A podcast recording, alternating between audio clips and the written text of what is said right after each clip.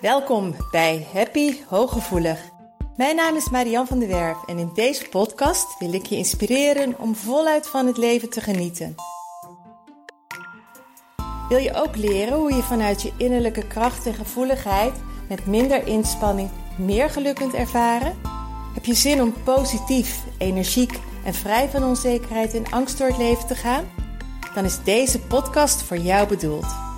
Door mijn werk als therapeut en mijn eigen vallen en opstaan leerde ik wijze levenslessen die ik graag aan jou doorgeef.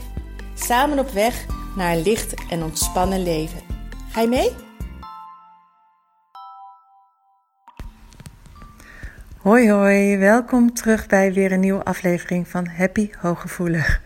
Ik schiet een beetje in de lach bij het maken van deze podcast, terwijl het onderwerp heel erg serieus is. Het heeft alleen nogal wat voeten in de aarde gezet.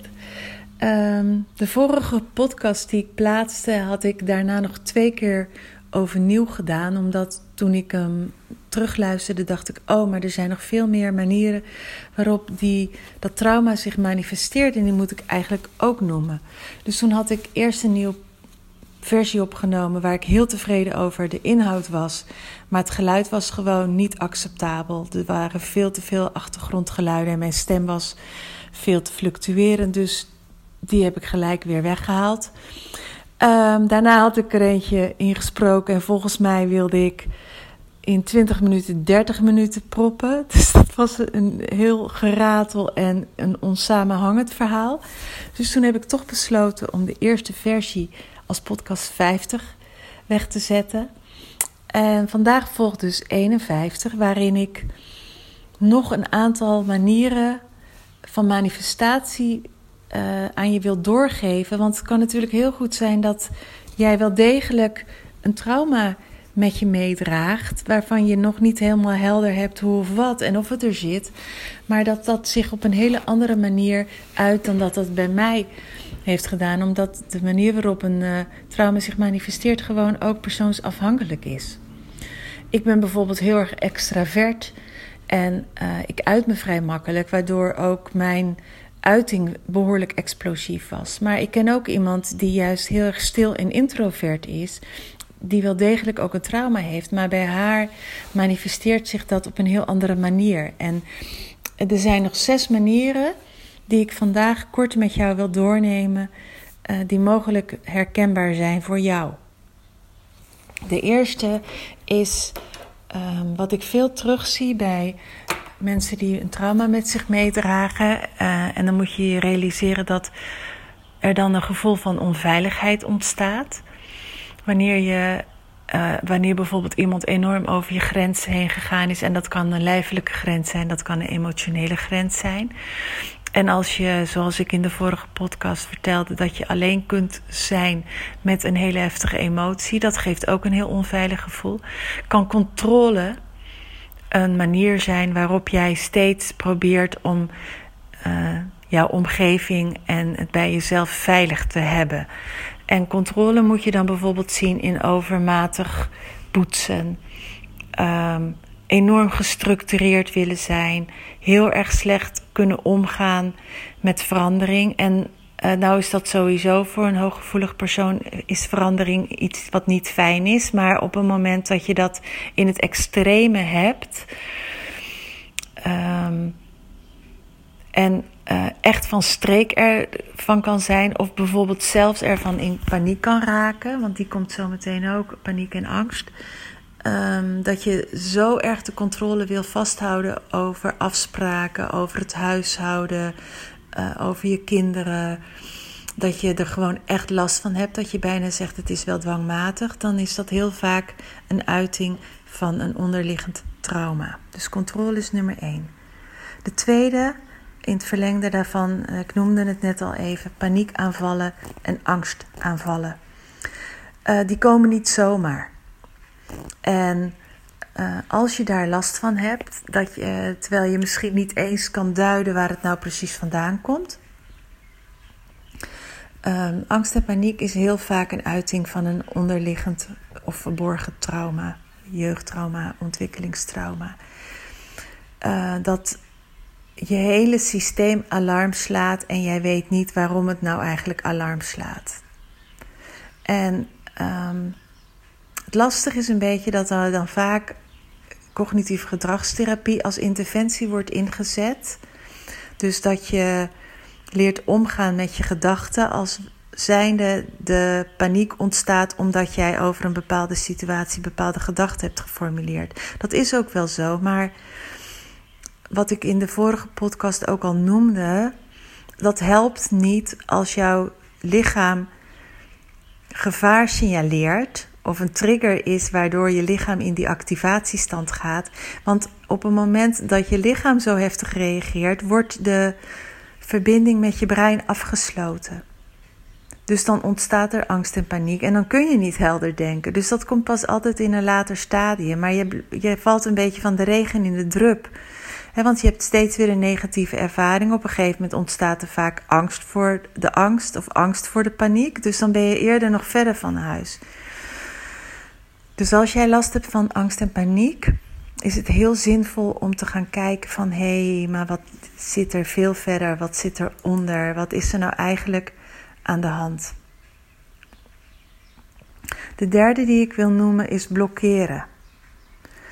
Uh, ik vertelde net bijvoorbeeld al dat ik uh, extravert ben, dus dat ik heel makkelijk me uit en ik als reactie dus uh, heel erg explosief reageerde. Wat ik ook vaak zie bij mensen die juist wat stiller, wat meer introvert zijn, is dat als ze bijvoorbeeld een heel verbaal persoon tegenover zich hebben die nogal overwhelming is, of ze krijgen op een wat harde manier eh, feedback, kritiek, of ze willen voorzichtig iets aankaarten waar iemand overheen walst, dat hun reactie is met terugtrekken, met blokkeren, met volledig verkrampt raken. En daarmee bedoel ik dus verbaal zich niet meer kunnen uiten, zich terugtrekken en blokkeren, maar ook dat er een verkramping in het lichaam weer is. En die is er op dat moment, maar heel vaak is die er ook omdat er in het verleden die verstijving, die bevriezing heeft plaatsgevonden. En op een moment dat dan dat jeugdtrauma, wat, wat vaak is, of dat eerder trauma wordt aangeraakt, dat dan opnieuw dat lichaam weer verstijft, verkrampt en je dus ook je helemaal niet meer kunt uiten. Dat is ook een vorm, de derde vorm van ehm, manifesteren van een trauma. De vierde die ik wil noemen vandaag is pijn. Die was bij mij ook, die had ik in de vorige podcast eigenlijk ook al kunnen noemen, maar ik eh, realiseerde me later.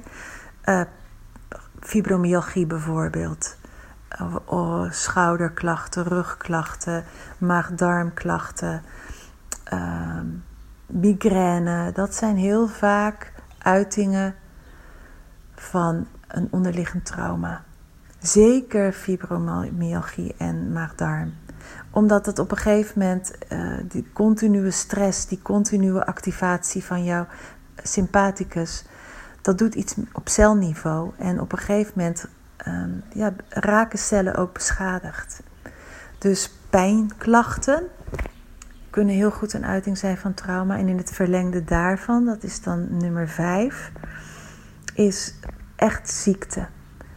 Um, ik kan natuurlijk niet hard maken, maar um, ik kan me voorstellen dat als jij continu gestrest bent en daarmee bijvoorbeeld ook nog een binnenvetter bent, dat je je niet uit, dat er iets zoveel impact hebt, wat, wat echt zich compleet vastzet in je systeem, um, dat daar als dat te lang aanhoudt, bijvoorbeeld maag-darmkanker kan ontstaan, um, dat daar hart- en vaatziekteproblemen ontstaan, dat er een hartinfarct als gevolg kan ontstaan alvleesklierkanker. Um, nogmaals, ik zal de laatste zijn die. Ik zal wil echt niet daarmee suggereren dat het door een trauma komt, per definitie.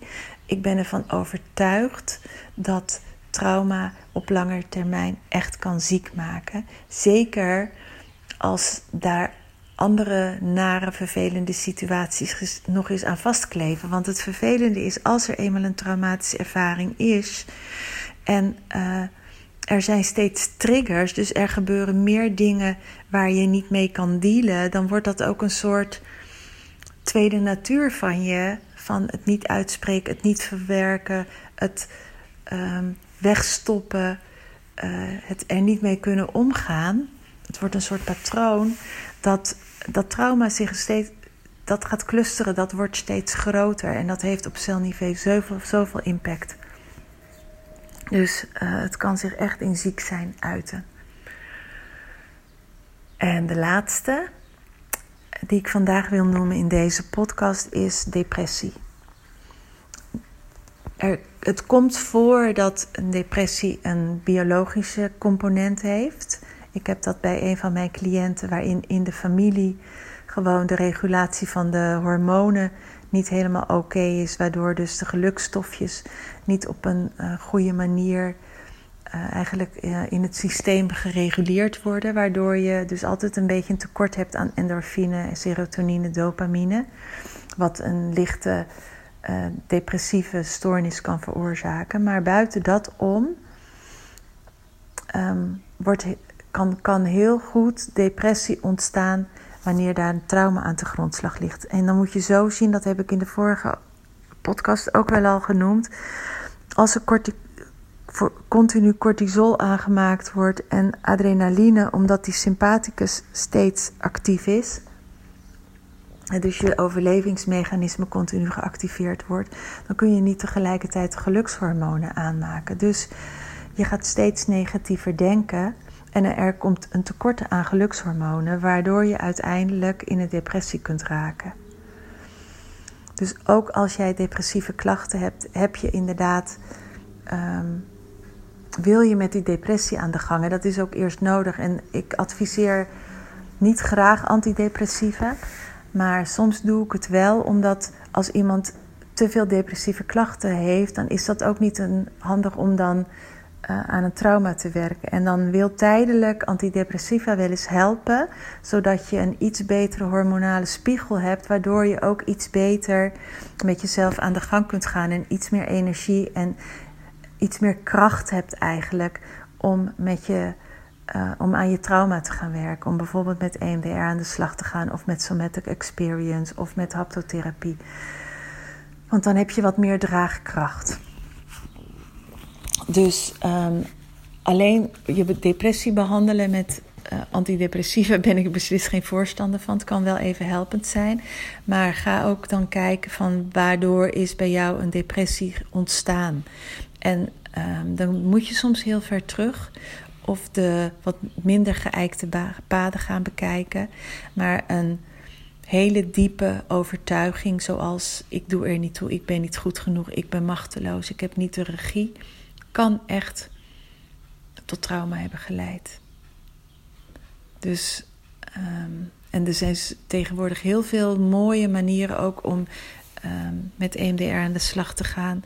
Met het pijnprotocol, met het woede-wraakprotocol, met het um, negatieve cognitieprotocol.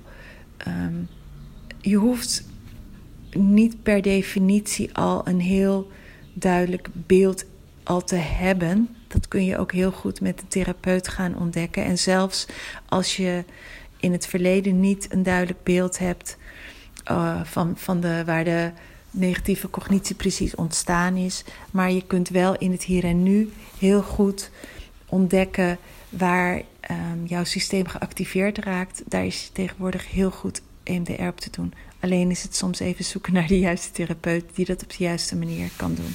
Maar die zijn er volop gelukkig. Ik hoop dat ik je met deze aanvullende vervolgpodcast nog wat verder heb geholpen.